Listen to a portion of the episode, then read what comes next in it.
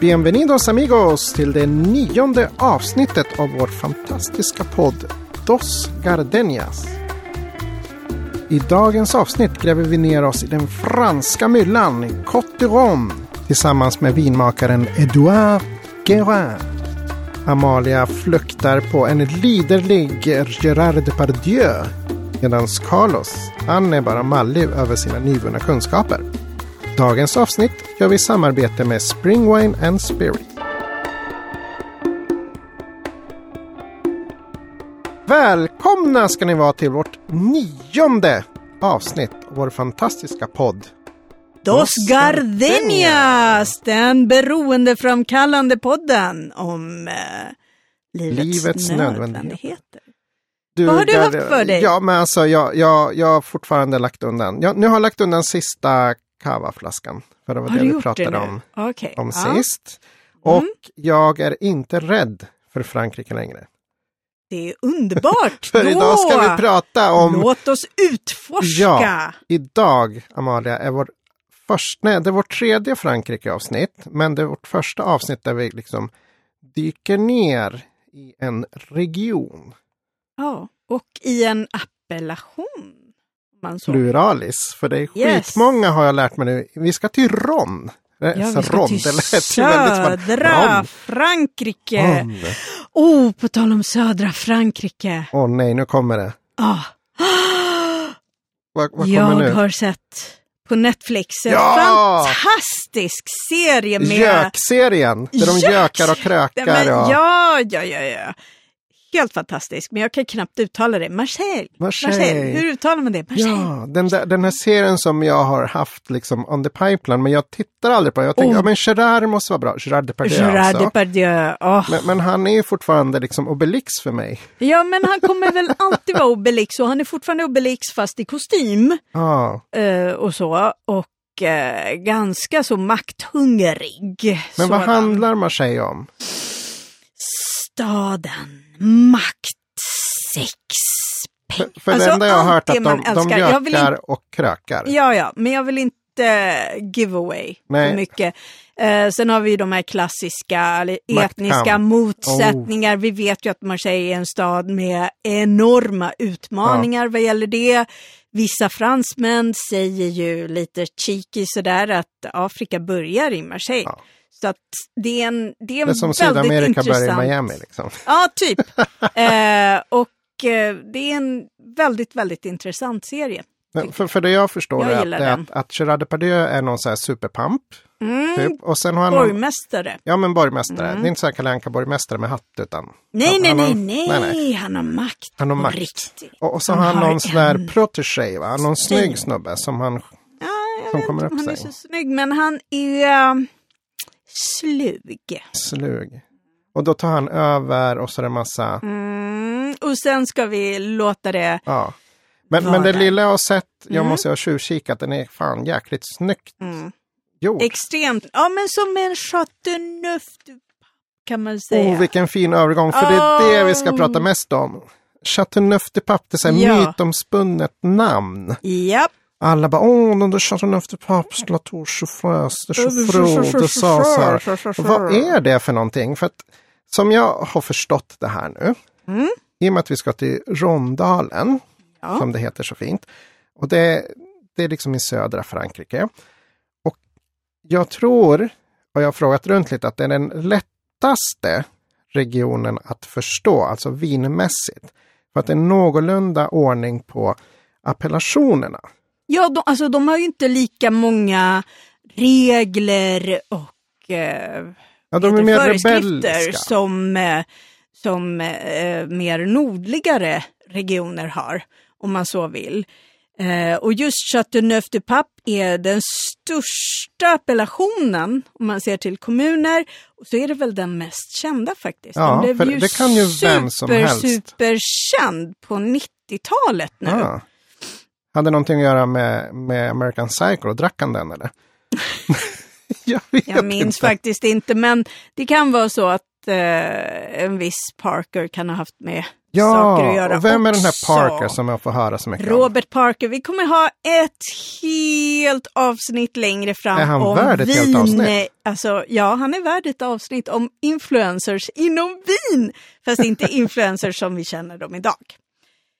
Hur som haver, eh, Chateauneuf de Pape. Har Ja. du provat någon? Eh, jag har provat Eller två, nej, tre stycken om jag ska vara ärlig. Ja. Eh, första gången var för några år sedan. Jag fattade ingenting. Jag tyckte att det var bara någon sammelsurium av smaker. Men det var någonting där. Men det visade sig att det var någon jättegammal Chateauneuf de Pape som någon hade Wow. hämtat i någon källare. Jag, jag törs inte säga shit, vad vad Ja, jag coolt. vet. Det känns Ja. som att, att typ, I wasn't ready. Eh, andra Chateauneufen var på en provning för typ ett halvår sedan. Alltså rejält, på riktigt. Och jag bara helt blown away. Och sa, men det här, nu kommer det här. Kicken som jag har velat Längtat haft. efter. Ja, Ja. och så är det meningen att jag ska ha massa viner runt 300 spänn för att få, få the goosebumps? Jag tänkte, ah, okej, jag låter det vara. Och nu, senast för en timme sedan, där vi har då lunchat ihop med vår kommande gäst som, kom, som står och stampar här ute. Det är Ja. famous winemaker Edouard Guérin. Ja. Och han jobbar just nu för huset Auger. ja. Och eh, vi ska ta upp lite mer med honom om Chateauneuf de Pape. Men idag så fick jag smaka både på en, alltså en vit Chateauneuf de Pape. Jag visste Det faktiskt inte att det fanns. Jo, man får göra både röda och vita viner. Eh, traditionellt så är det endast 13 druvor som är tillåtna. Det här kommer vi också prata Gud, alltså det räcker ju om med Edward. Ja, men jag vet. Men samtidigt så är det så himla kul för det finns producenter som bara koncentrerar sig på en druva. Alltså Chateauneuf de Pape fast på en druva. Det finns ingenting som säger att alla 13 måste vara med, utan alla de här 13 är tillåtna.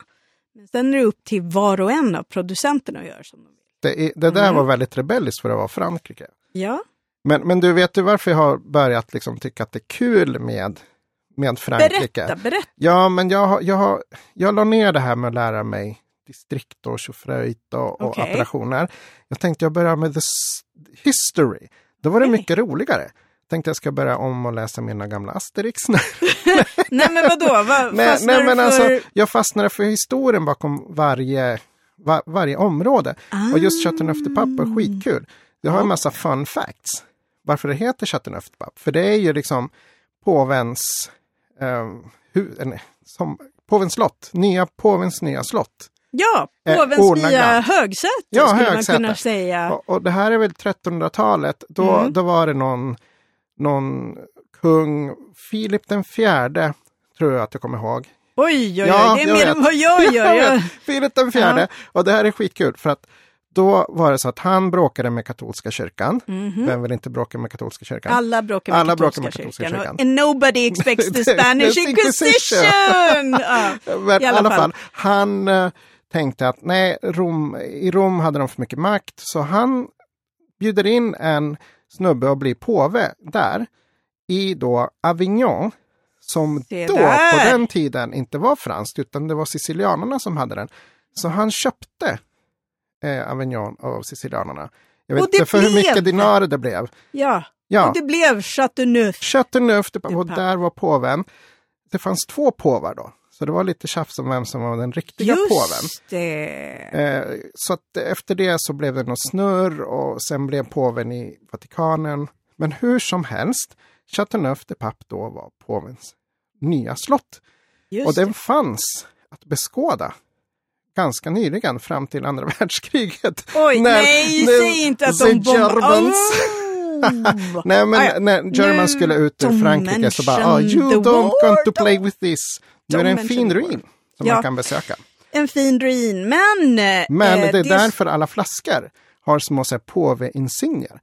Så om Just man går på Systembolaget de, ja. och ser Coteron-flaskor och ja, olika från, från distriktet så, så är de, har de prägling på flaskorna. Ja, tänk på det nästa gång ni, Ja, då är det olika påve-insignier. en flaska. Minsann. Men, men du, nu, Yes. nu måste du förhöra mig. Faktiskt. Jag har lärt mig nu.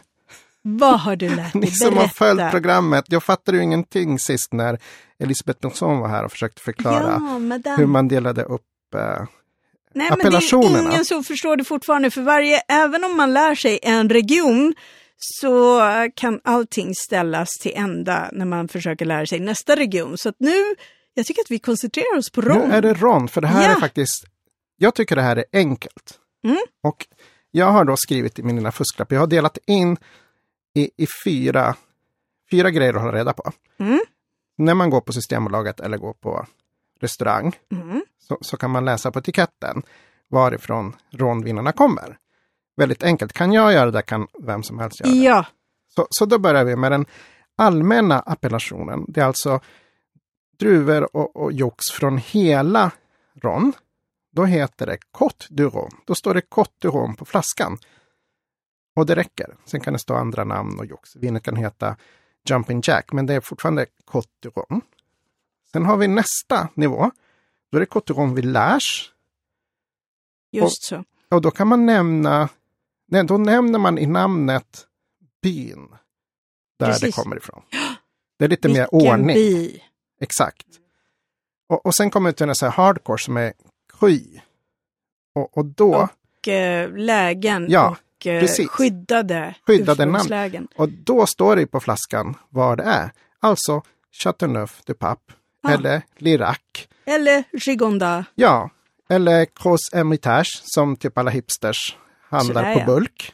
Mm. Ehm, och massa annat. Gigondas till exempel. Ja, som jag sa nyss. Ja, sa du det? Uff. Uff. Uff. Du ser, jag har, jag har lärt att mig jag kunde det där. uttala det så väl så att du reagerar inte ens Nej, på det. jag vet. Det är helt fantastiskt. Nej men alltså det var som en, en helt fantastisk grej att kunna det Ja. här. För då, då kunde man ju gå på systemet och säga, ja men det här är en Lirac.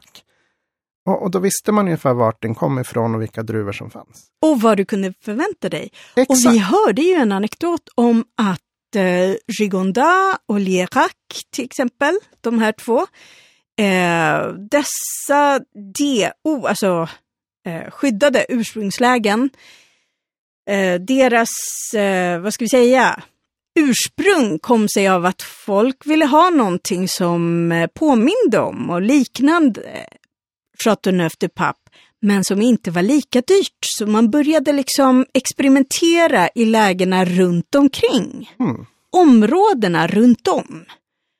Eh, och i Lierac och i eh, Gigonda gör man viner som är rätt kraftiga och som påminner om Chateauneuf.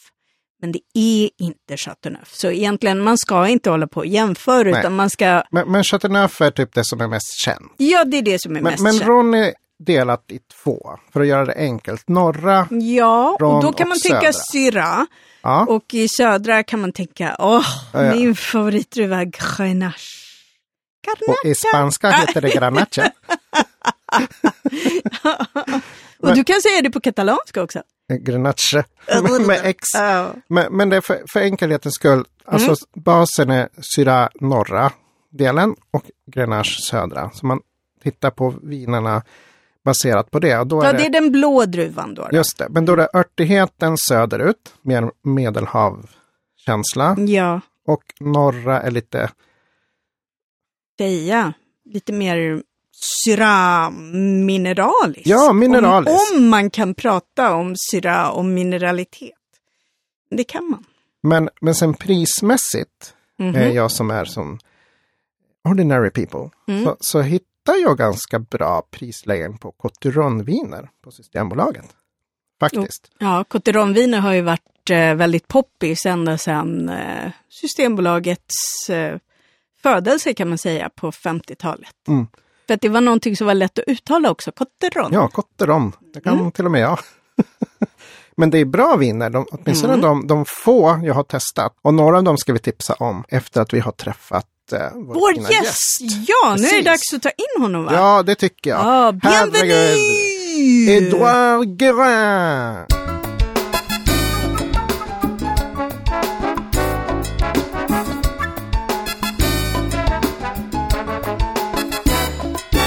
Bienvenue, Edouard! Merci. Merci à vous! Uh, that, that's the end of my French. Oh no, that started good. Just you wait until I start pronouncing anymore. you will want to kill me with a baguette, you Yeah. know? And we're always ashamed of our French pronunciation. Yes, We but now have something right. we want what we want to know is how is it to be such a kind of rock star? You are a rock star. are? Oh no, come on! I'm not a rock star. Yes, you are. Oh, you no. go. You you kind of go to uh, From different wa- vineyards around yes. the globe, uh, straightening it up, making a good product. I'm curious.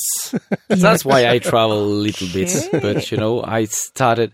I'm not sure I should say it now, but first time I was drunk, I was nine years old. Oh, Bottling, that's how to bottling start. wine with my uncle. Ah. I did Oh. not drink really. I was just filling bottles with a very, very old machine that stopped. And I had to pump it with my mouth to start it again. and okay. at nine o'clock, my I just seen everything turning all around. I said it to my uncle, and he said, "Go to see your mother." And then we're the start so- of everything. That's so good. It's such So, a beautiful yeah. story. So later, I decided to work in wine business, and I was born in Rhone Valley, so I didn't want to work in Rhone Valley first. I wanted to discover a little bit more things. and you did.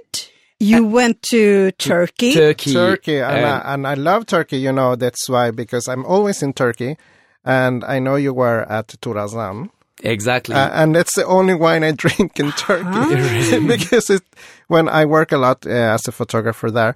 So when you go to different hotels, there's like a lot of wines, and to be honest, please Turkish people, I love you, but the wines are not so good. But Turasan always delivers.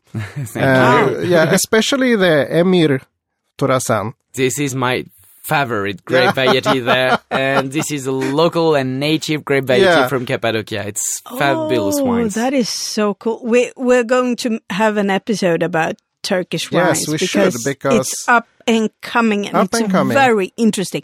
So, but tell us a bit about the challenge. You know, like uh, making producing wine in Turkey it was something compared to like France. completely new for me. I mean, I was just finishing university. I was 23 years old, and Hasan Turasan just told me, "Okay, here's the key of the winery. Wow. Now you are Wow. the boss and you do whatever you want. And I just started to look at everything, started to work with all that guys and started to work with classic grape varieties like Cabernet Sauvignon, Chardonnay, Syrah. But then I had all the other, all the native grape varieties like Öküz Gözü, Emir, Kalecik Karası. So Wow. terrible names that Merhaba, I say. I Merhaba, but it- exactly. It, sounds so exotic and interesting and just lovely. And so that was menacing to discover these grape varieties growing on different soils, on uh, volcanic soils, on Oh, wow. clay on the west of Turkey, buying grapes all around the countries. Uh, so that was just an incredible uh, experience. And one vintage there is like five vintage in France. You learn a lot. And I stayed there for six years. So Six now I'm old. No, Wow. no, no, no, no, no, no. That's cool. Compared Um, to us, you know, you're just a baby. so, So young, such a rock but you also uh, been in Australia. Yeah. Yeah, I, I was living in Turkey with my family, and my wife, and I had uh, two kids there. One was born in France, one in Turkey, and um, we just wanted that our kids uh, learn to write and read French. Uh, because they were just keep speaking Turkish at home. Oh, So- so cool. They speak a lot of languages then. Ye- uh, now they forgot, but so that's Ah, why we left okay. to Australia, which is definitely not the good choice to learn French. Uh, but we thought that English could be useful as well. Uh, so we moved to, to Victoria in Australia, uh, where I worked for M. Chapoutier there. Uh, that was fantastic experience and crazy to see that kids, which were speaking Turkish at home, after six months were just playing in English. And you say, oh, come Wow. on, takes me so long to try to learn a language, and they do it perfectly in, in a few months.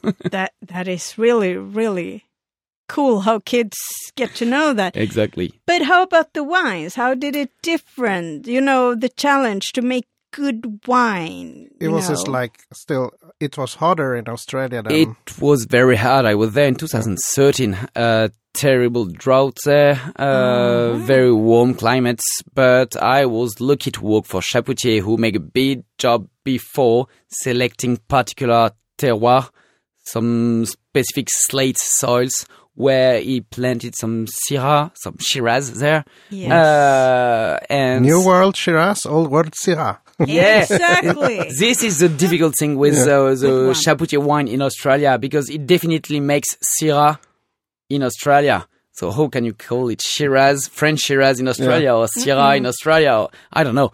Whatever. It's um, terroir wines in Australia makes Yeah, them it's on got slates. its, its own expression. Definitely. It's Yes. uh, the, the, the expression of the soil was the grapes grown. And how long were you in Australia? Oh, only one year. One that year. was fantastic experience, but it's so far. Oh well. You have to travel back in time or, or forward in time. Forward. you just you are far from everything you are far from your family even if you use skype or whatever you mm. just can call them you know you are at your breakfast and they are just drinking aperitif or the opposite so it's hard to, to keep a family life like that so after one year we decided to Then back Go to back, friends. Ron. not directly Not directly. no first uh, i go back to was too hard to go back to france straight away so i go to french catalonia Ah. you know there is oh, okay. Now we're talking. difference. Yeah. uh, so in Roussillon, where I worked for Cazes, this incredible uh, estate where they have more than 200 hectares under biodynamic. Uh, so I worked between for Cazes and for Collioure and Banyuls for Les Clos de Paulilles, uh, working once again on slate soil uh, with Grenache, Grenache white, Grenache grey, uh, Grenache black, and Syrah. So many different grapes, some crazy terroir, very close to the sea. Yes. Every day in the morning, I just took my car and go to the sea to see the vineyard Oh. and walk How with the sea. Oh, But what Wonderful. language did you use? The French or the Catalan? Or? French. I speak Turkish, French, and a little bit of English, but no Catalan. No, Catalan. But this thing with terroir, you are quite into it. How would you uh, explain terroir for someone that has never, you know, heard the expression? How, what would you, how would you describe it? How would you, you know, You- what's the essence? You have the basic definition that you learn at school, let's say. uh, Wine school. Yeah, the because wi- there- yeah, wine school. and- Hopefully one day in school, but now it's still in wine school. and I'm sorry, Edward, but because there are people uh, insisting on that, you know, there is no such thing as terroir. What do you? What's your view? um, What do the, you? the, the basic definition of Okay. terroir is it's a combination of three things. Two which are evident, the climate and the soil. And the third one, which is maybe not the most important, but which is absolutely fundamental, which is the human, the human choice. Uh, because the man or woman will decide to plant a grenache on a clay soil uh, with this exposition. So it's a combination of human, soil, and s- and uh, climate. Then to have better understanding of the terroir, the best thing is probably to taste it. To taste it. I'm not saying you have to taste soil because it's quite disgusting. Uh, well, I've done it just to get a yeah, just to get a hint of that minerality that Yes. people talk about. Just to get did you get it? you know, yeah, I did Okay. actually. Eat dirt, Gardenia. Oh yes, I got digging in the dirt. so we have a much funny way to do it and to taste it. Uh, in Ogier, we are based in Châteauneuf-du-Pape. Uh, you know, Châteauneuf-du-Pape is a Oh, yes. large, large wine area. Uh, it's 3,000 hectares. So if you compare to the North Rhone Valley, you can just take the Côte Rôtie, Crozes-Hermitage, Cornas, Saint-Joseph, Hermitage, and I think I've all, maybe Saint-Péray, I forgot. All together, it's 3,000 hectares. Châteauneuf-du-Pape by itself is 3,000 hectares. Oh my God, I'm salivating. I just huge. want to have a glass of Chateauneuf. Yes. So it's just huge. So you can easily imagine that uh, you have many different soils, many different exposition in Châteauneuf-du-Pape. It's so large. We have no premier cru, no grand cru. You know, in the south, we don't want to have too many complicated things. So we just hmm. say Southern Châteauneuf-du-Pape. people. Yeah, southern Yeah. people. You know, Yeah, it's, it's not easy like, going. not like in Burgundy where they split a hill in four different climates or no, whatever. but we love Burgundy as Oh, well. I love Of course, Burgundy. we They make fabulous wines. Burgundy, Yeah. but it's so complicated. yes, it is.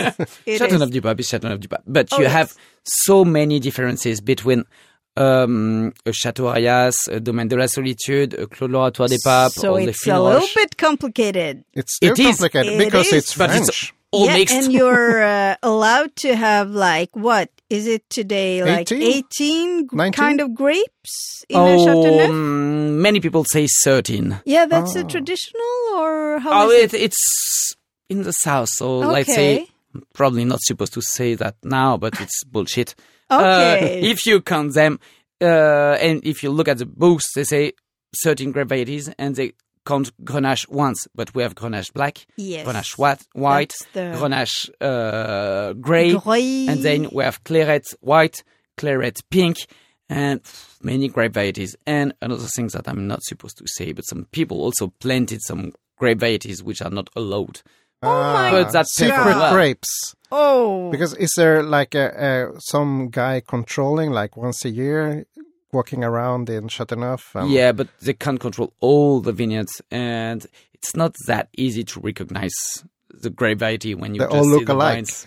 Uh, all, but no, no, no, they don't. yeah, no, they don't. But anyway, it just an exception, and many of them use the normal gravities. But we have yes, something like 17, 18 grape varieties. It's crazy. So But- cool, and it's the world's uh, oldest uh, apple. No, it- Appellation, Yeah, yeah, it the is first- the, the first- yeah, The it is the first appellation. appellation. I, I think I read something in the 1930s. 36, 36, exactly, yeah. 1936, the first appellation with Tavel and uh, and some others, but uh, Châteauneuf-du-Pape and Tavel were, were some of the That's first. when the French started to have some order in the grapes. Anyhow, let's get back to your wine. Yes, so because- tell us about the terroir that you are working with. So yes, in Châteauneuf-du-Pape, particularly hmm because Rhone Valley is very large. Uh, so It if is. we focus in Châte- on Châteauneuf-du-Pape, uh, we have let's say four main soils. Uh, that are from different age, different periods. Uh, and what we do is in Ogier is that we grow Grenache on each of these four soils. We crush and ferment them separately. We age them separately, exactly in the same cask, and then we bottle all of them the same day. So it means Wow. that when you taste them, you just taste terroir influence on the wine. And this is just so interesting. We were speaking about the terroir before. Now you can just taste the terroir without hitting stones. You know, Oh, that is really. you just drink the stones, which is much more pleasant than but eating how them. about the casks? Do you what kind of casks do you use? Because in Chateauneuf, Uh, they, it's not. We use new many Costco, yeah is no no no no no no absolutely not Mhm. i know we don't want to hide the the, the Any terroir kind and of, the yeah. grape variety character behind the cask it's old uh, big cask of um, generally between 3000 to 5000 liters so Oh. Foudres. it's foudre exactly this is foudre What's Uh, fodder? That's a big, big, big, big cask. giant Okay. you can go in when we clean it we have to go in the Ah. hole is very small Wow. Uh, but you know you just make like uh, like a snake to go in cask. Yeah. disco, not disco in the cat to go in. You have to be like a snake and Ah. go And inside. Just like like me, you know, like Yeah. ah. Ah. and um, they are not new. oh no, no, they are. Some of them are something like sixty years old. Okay, Uh, so and, but is it French oak or is it? French oak, French but oak, in that time they are that old that you don't feel any oak uh, Okay. impression into the the, the wine. The So you, you don't want the oak thingy. Uh, not for this kind of wines. Well- for some other wine of orange, yes, we sometimes use younger oak, but for these wines, we are not looking for oak influence. We just want to have the pure The terroir, the soil impact on the wine. And we will find it on the limestone. The most, well, it's a pity that we can't uh, taste the wine uh, in the meantime, but you have to imagine, and when you taste the wine, you have to compare the um, the stone and uh, the the stone structure and the wine tannin structure. On the limestone, it's some very sharpy stones, and you have also very sharpy tannins. Ah, When you taste the the Grenache coming from the sandy soil, I very often give this picture. Just imagine sand going through your fingers. The tannins make the same sensation on your tongue. Very Slippery. thin grain of tannins. Uh, and Silky. silky, exactly, silky. And the tannins and the stones are just so linked. It's just amazing when you taste it. You can make a blind test. If I put you the stones in front of the bottle or in front of the glass, and I ask you, just put me the stone with the glass, and you can do it. Just compare the stone and the wine, That is and you so find cool. it. We We, will do do, that. that. We will visit you and we will have the stone and we will have the wine. and the thing is that we are, we have actually came come from uh, lunch now, all of three of us, that we could taste some of your wines, and I'm kind of blown away still because uh, we had we're going to present the wines later, uh, exactly which ones we we drank, but the difference between the courses we had, like different kind of fishes to to the white Chateauneuf de Pape that we're going to talk about later. It's crazy, and, and it's my first year of like super wine tasting, and I really now can feel the difference between different Between the terroirs. Cotteron yeah, the it-. It's, it's it's crazy, and I'm so impressed of myself and of you, of course. And the thing is that uh, I have like these silly questions because how how how is it when you're we were talking about you were like a rock star, like oh no, No, we have I'm not. if like a a big wine house, oh we have to get some nice products, we have to have this now and then. They just call you like on your cell phone, like now come up and like you're a music producer. We have to get a new sound. Yeah, Then we called have you. to. We need someone We to need tell someone us new. more of this, less of that. Let's call Edouard. we- No, Yeah. no, no, come on. I'm not doing anything. I'm just trying to, you know, you make the wine not in the winery, you make the wine in the vineyard. And what you have to understand is how the soil is working, what does it give to grapes, and how to extract it from the grapes to find it again in the bottle. So I'm just a link between the soil and the bottle, but I don't do that much. You know, you just have to be the link between both of them. Yeah, I'm but it's absolutely a not a rock star. Um, absolutely not. but what do you think? Are you part of, you know, like if they're, uh, if uh, the producer is planting new, uh, what do you call them? Yeah, new vines. Uh, thinking about the the climate change today, uh, do you advise on how high you have to go or where to plant them? You know. This is a very, very long discussion. We may speak about it for But a A short day. one, yeah. a but- short one. You will have some agronomic answer, easy one, and you started the answer. Uh, you know, in Châteauneuf du Pape, we have many bush vines. Uh, that means that grapes grow very close to the soil. What we are doing now in our vineyard is just um, pruning the vines on a different way to have a short trunk of approximately 20 or 30 centimeters, just to have bunches a bit far away from the soil. That just helps to uh, harvest later and to avoid that grapes burns. So this is a basic agronomic answer. And another one would be to adapt or to reuse uh, old grape varieties. We say that Châteauneuf du Pape is very rich in terms of grape varieties. We have a lot. For example, uh, we have Bourboulenc. It's a grape variety which is not very famous that many, many people forget because it makes really big bunches with big berries, lot of juice, not very aromatic, not very rich, but with good acidity. And uh, this is absolutely what we need acidity. Uh, natural acidity from grape variety. So what we did is that we planted some Bourboulenc again, and we also planted some Picpoul and we are planting some Picardan white this year because it's just a nightmare to find this grape variety. No one cultivated, and we are working last five years to find some uh, clean wood from Picardan. So now we not exactly planted Picardan. We just planted some American rootstock, and we are going to graft Picardan in few years because we need few years more to multiply this wood. But it took us five years just to find clean wood of Picardan. And these old grape Amazing. varieties are Amazing. uh, probably not the solution, but are a good answer to the climate evolution that we have now. But, but this is kind of in the the appellation rules. You can do what you want in some kind of, or do you have something to? Um, would some people from Chateauneuf answer my uh, listen my answer or not? Let's say no. Never Let's say no, you never know. never know. Uh, Chateauneuf du Pape, as you said earlier, is one of the oldest appellation, the oldest, 1936. And Baron Le Roy, who created this appellation, was very clever hmm. because he did not put a lot of rules. If you look at the rules of all the appellation in France, Yes. Chateauneuf du Pape is one of the lightest. So we are allowed to make many, many things that the ah. other can do.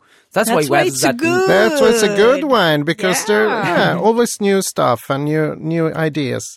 And that's how I want to ask you when when you come like this expert from outside the the house, you're not like in the family, just like hired Yeah. hired gun, yeah, like rockstar. We- Yeah. And, and you see, Star. Once again. yeah, no, I'm, I'm, I'm so are a rock starstruck star, because this yeah. is it's a it's a new star a star uh, rock to me. Uh, but when you come, you get like the keys of the winery. Here, my son, do what you want. But the the older workers in places like, oh, this young kid, what's it gonna do? Or you come along with everyone now. Now that you're like a lot of range of wines from from Ogier, so uh, you come along with everyone. But Yep. is it hard in the beginning? Uh, of course, it's hard. It's always hard in the beginning.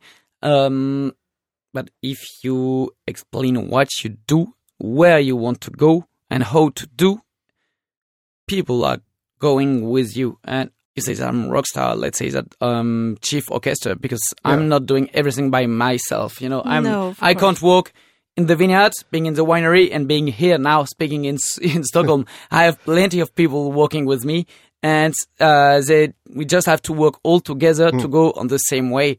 And when you explain them where you go and how you want to do it, people um, at the beginning, some of them can just say, "Mm, "I don't know, we used to do it on another way."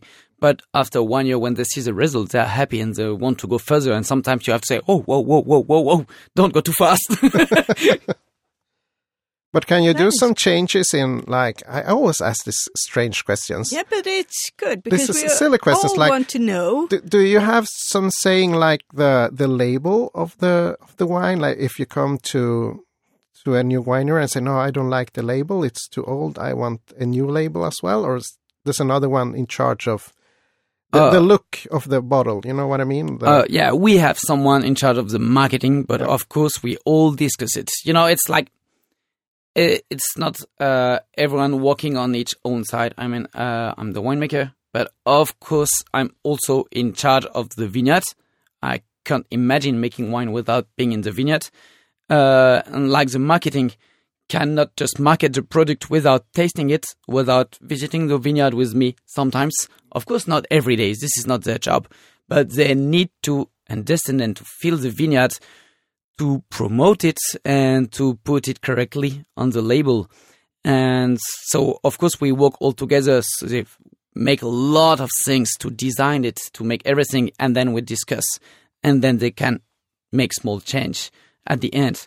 But this is true for many of our labels, but not for Le Clos de l'Oratoire des Papes labels. You know, the label had been designed in 1926. yeah, and it's Oh. such a nice label, and you guys gonna see it on our website because.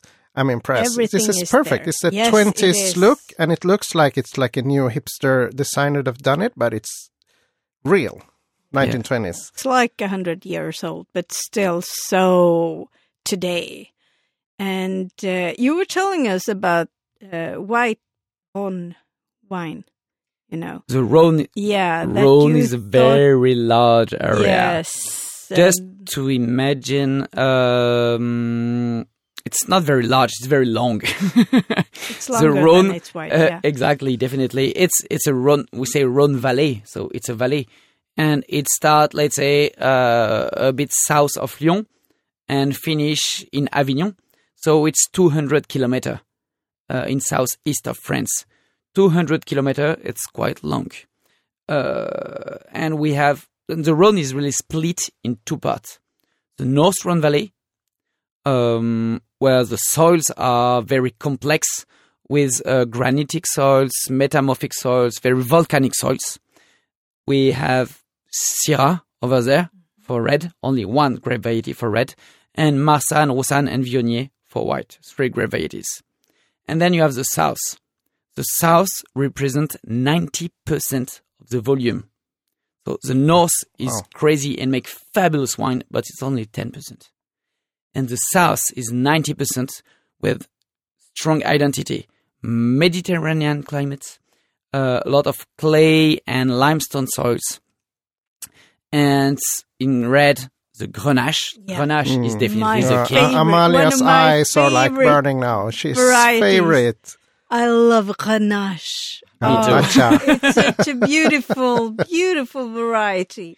Yeah. Oh, it's it's very rich, Mhm. complex, and just change any time during the year and there is age. So it's a fabulous gravity. yeah. If it was a man, my marriage could be in trouble. Yeah, that's you said that about Pinot Noir the other day. So yeah, I, but don't you know, so many She's men, happily so many, married. many grapes. Yeah, she's happily married. so little time, you know. so many But I love Grenache.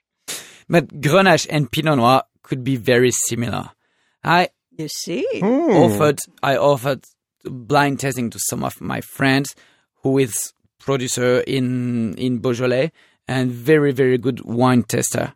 And I offered him some Château Chateauneuf du Pape from 2014 uh, blind test, and he was not sure whether it was Pinot Noir or Château Chateauneuf du Pape. you see. In I have vintage, an excellent taste. Yeah, they all look alike in the dark. So Oh no no no no no no no no no! Oh, smack! no. So anyway, let's go back to the South Rhone Valley. yeah, Yes, where we have Grenache dominance, but we also have Syrah, Cinsault, Terret Noir, Counoise, Vaccarèse, uh, put, uh, and many other varieties. Marselan, uh, for red, and then for white, also many, many whites, like Grenache White, Clairette, Roussanne, uh, Marsanne, Viognier, but, but, in Châteauneuf-du-Pape, you are not allowed to grow Marsanne and Viognier. Many people think that we may have some Marsanne and Viognier, but it's forbidden in Châteauneuf. Ah, okay. that's forbidden, Amalia. But, ah, but you were telling us how you thought that the white wines from Rhone, uh, from Southern Rhone, were a bit tannic. Yes, definitely. Oh, you know, um, once again, I'm not sure I'm supposed to say it, but so I was born in Rhone Valley, in South Rhone Valley, in Orange, and I generally say that I don't like the white wine from Rhone Valley, uh, because many of them are very tannic, very heavy, with big, big lack of acidity and no flavor, oxidates quite early. Um, You need a So- nice pizza to that when I hear that. yeah. so we can make something else, and now many and many new winemakers or new wine uh, wineries just change their style and make wines in a different way with very gentle extraction in pressing time, uh, using keeping the Grenache, Roussanne, Clairette identity into the blend, but using some other grape varieties like Viognier when you harvest it a bit early that bring you a lot of exotic fruit flavors. Uh, some pineapple, some lemon, some apricot flavors. Um, and uh, you can also use, and this is what we do, once again, we use a lot of Bourboulenc, this old Provençal grape variety, uh, which bring a very good acidity. I like to say that this is uh, the Provence or the Rhone Valley crispiness. You know, it's absolutely not crispy like can like you can see in New Zealand, but uh, for Rhone Valley, it's very crispy wines, and that make wines much more modern with the fruits and the acidity and the freshness, and absolutely no tannin. Very pure wines. And I have a silly question because I haven't learned anything about Rhone. Do you guys have some bubbles? Yes. I love bubbles. Kus. Tell us, tell us, tell what us. bubbles do you have in Rhone? We have the Clairette de Die. Clairette de Die. Clairette de Die, made from the Clairette grape variety. Uh, I'm not a big expert of Clairette, so I won't tell you too much. Uh, we c- just so a lot of things to to start to understand the terroir like Chateauneuf du Pape and try to understand and work on the other appellation. And so now, until now, I did not focus on, Clairette, so I'm not big specialist, and I prefer to. I have a, a question you can answer if you want it. I know it's uh, a little. I've heard now that the new appellation, uh, it's an overall appellation of whole France. It's uh, Vin de France instead of Vin de Table. And I met some natural wine uh, producers last week, and they were like so excited because Vin de France is like a Disneyland for them. They can do anything they want, how they want, and they don't care about anything and just get out some good rock and roll wines. How's your personal? Do you want to do some new stuff for yourself or? Um, once again, the answer could be very long. uh, these Vin de France are fantastic. Indeed, because there is no rules. You know, I worked in Turkey for six years. I'm not saying that there is no rules in Turkey because more or less European rules apply in Turkey, but we have no appellation rules, Yeah. which are very restrictive. Uh, in Vin de France, we are very open and we can do whatever we want. Let's try whatever we want, make natural wines or whatever. Just to give you an example, we have an estate in North Rhone Valley, in- in South Rhone Valley called Notre Dame de Cousignac. It's on Côte du Vivarais. It's not Côte du Rhône, it's Côte du Vivarais. It's a small appellation around. And on this Côte du Vivarais, we were allowed to have Carignan into the blend. But from 2017 vintage, it's forbidden. Ah, Why? French mentality, French rules. But we have very old vines of Carignan, and these vines make a fabulous wines. This is probably, or mm, probably is definitely the, the um, northern limit to grow Carignan, because there is no Carignan up to that place, and we have a crazy freshness. You find Carignan in Spain or in Roussillon, and now you are at its northern limits, and it's fabulous.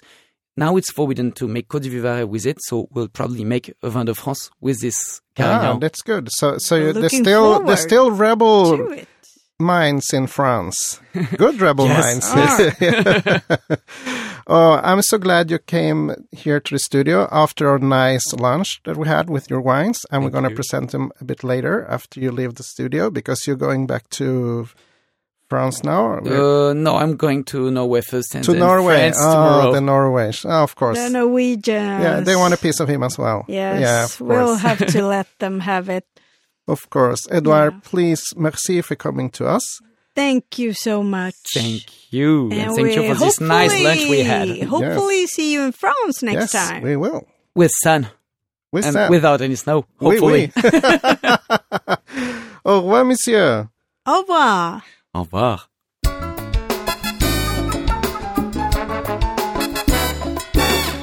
Gud vad spännande det var att träffa Edouard Vilket Guérin. äventyr och vilken grej att ha gjort vin i Turkiet, Australien, Frankrike. Ja. Och, och just Frankrike, hans senaste gig är ju för huset eh, Augier. Och vi hade faktiskt äran att få smaka en del av deras flight. Fantastiska viner. Oj, oj, oj. Och vi ska tipsa om några idag. Men, men innan det så, så vill jag... Eh, jag snappade upp på internet Aha. att, att en av dina idoler, Vilken eh, av dem? ja, The Man's Man. Ernest. Ja, Ernest. Ernest. Ernest som är så här superman. Han drack bara rosé från Tavel. Se där. Ja, då vet jag vad jag ska dricka hädanefter. ja, Bara. bara rosé från Tavel. men, men vi går nu till, eh, vi kan börja med viner som är faktiskt överkomliga Mm. för mig. Faktiskt. Oj, nu sa jag faktiskt två gånger. För Därför att jag är Alla. för oss alla. Jag vill gärna börja med en, en röding. Rött eller vitt? Rödpangare. Aha du. Från eh, en appellation, om jag sa nu rätt. Som jag har lärt mig att gilla. Som heter Lirac. Mm. Lirac. Och det ligger ju nära Chateauneuf de Pape. Det är en av de här appellationerna som Ja, precis. lägena där man började göra vin och liksom försöka närma sig Chateauneuf. Närma till en eh, trevligare peng. Liksom. Ja, Det ska ju precis. Svida så mycket i plånkan. Exakt. Och då är det så enkelt att om man går in på Systembolaget så slår man in Lirac så får man upp en miljon Liracs. Men den här heter det. Lirac Le Chenais. Chenais stavas det. Men det är enkelt när man har ett produktnummer som är 2214. Och den här kostar 119 kronor. Ja, Okej, eh, jag blev mållös. de blev mållös. Eh, Okej, Nej ja. men det, det är alltså bargain och det är frukt, det är kryddor och det är lite hallon, björnbär, du vet. Oh, man vill ju bara ha den. Lamm, nötkött. Bring it on. 119 kronor, Wow. så är det. Och sen har jag då, Har du något vitt då? ja jag har något vitt. Herregud, varför ska jag inte ha något vitt? Alltså, jag måste ha något till solnedgången. Ja, det måste man ju ha. Okej, håll i dig nu, jag ska försöka uttala det rätt. Ja. Eh, Heritage Cotiron Blanc.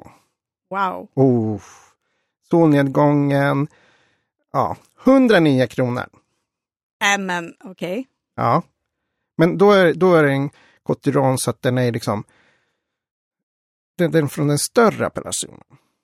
Så att, så att de ligger lite lägre pris, men ändå, det här är superbargain. Och det är nummer 2866. Så var det med det. Vad har du? Eller vad tyckte du om? Mm, jag tyckte om en, eller ett rödvin som heter Arteris. Arteris. Alltså, Artemis, nu- var det inte han Nej, inte? Artemis. Nej, det är inte...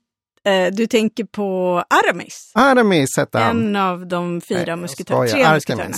Eh, Arteris. Arteris. Ja, namnet har den fått efter en, eh, som de kallar det, v, v, ah, jag ska inte ens ge mig på att uttala det, men en, eh, en typ av brunn som de har där. Alltså naturlig brunn som, man, Ja. som det kommer vatten ur. Eh, en la, la, la, la, artisanal och därför heter den här Arteris. Så det är en hyllning till, till den Ja, här. det kan man säga. Ett eh, fantastiskt gott rödvin, 139 kronor. Eh, artikelnummer 70603, alltså 70603. Och som vanligt, mina vänner, all information om alla viner finns på sajten om ni känner att ni inte hängde med eller någonting. Eller att vi babblar bort det allt. Ja, eh, och sen har jag självfallet eh, två Chateauneuf-tips. En ja, röd hoppas det är den och eh, en vita. vit. Den, Ja, du gillar den jag vita gillar, va? alltså jag var helt loss på den. Ja, men du åt en lax-sashimi till den, Ja. tror jag, som passade utmärkt. Och jag åt boquerones. Såg du jag den smugglade flaskan? matchade det perfekt. Förlåt, vad sa du? Såg du att jag smugglade flaskan? Nej, Jo, jag- nej, nej. Jo. En Nej. Chateauneuf de Pape vit. Se där. Ja. Eh, artikel nummer 75513, alltså 75 513. 350 kronor får man ge för den. Åh jäklar. Och så har vi en röd Chateauneuf du Pape också. Chateauneuf Rouge. Artikel nummer 73963, alltså 73963. 350 kronor även för den. Det, det låter som en bingo. Alltså- Ja, men jag ska säga det. Jag känner mig som här bingo-uppläserska. 73963. men men den, den röda var ju så spännande för att jag åt ju en asiatisk kalv till den. Och jag tänkte att när jag beställde kalven och såg The Asian och tänkte nej men nu ångrar jag mig. Men det passade så bra ihop. Helt- gjorde ju det. Ja, men helt, helt crazy Jag hade lite annan Ja. eh, upplevelse för att jag beställde in en bläckfisk, grillad bläckfisk till huvudrätt. Men den var liksom ackompanjerad av, vad ska vi säga, mer indiska Ja, det var Indian stuff. Och, och, Och då, då, då skar den sig. det skar sig Vi, vi var i fel land. sådär. Det, var, för, för det blev liksom, jag ville ha medelhavsbläckfisk, men det blev en... Men, men, men svär jag i kyrkan när jag sett den här chateauneffen. Ja. Jag, jag hade Vilken kunnat, av dem? Den röda, eller den Ja. vita också. Gud vad hemskt. Båda Ja, hade jag kunnat dricka i en solnedgång. ja men absolut. Alltså de var så ja. mjuka och Det är ändå... viner som går att njuta av både för sig som konversationsvin om man så vill Mm. och har möjlighet till det. Eller till mat. Njutningsviner helt enkelt. Ja, men det låter ju fantastiskt. Ja. Men du Amara, jag Ja. tror att eh, our time is due.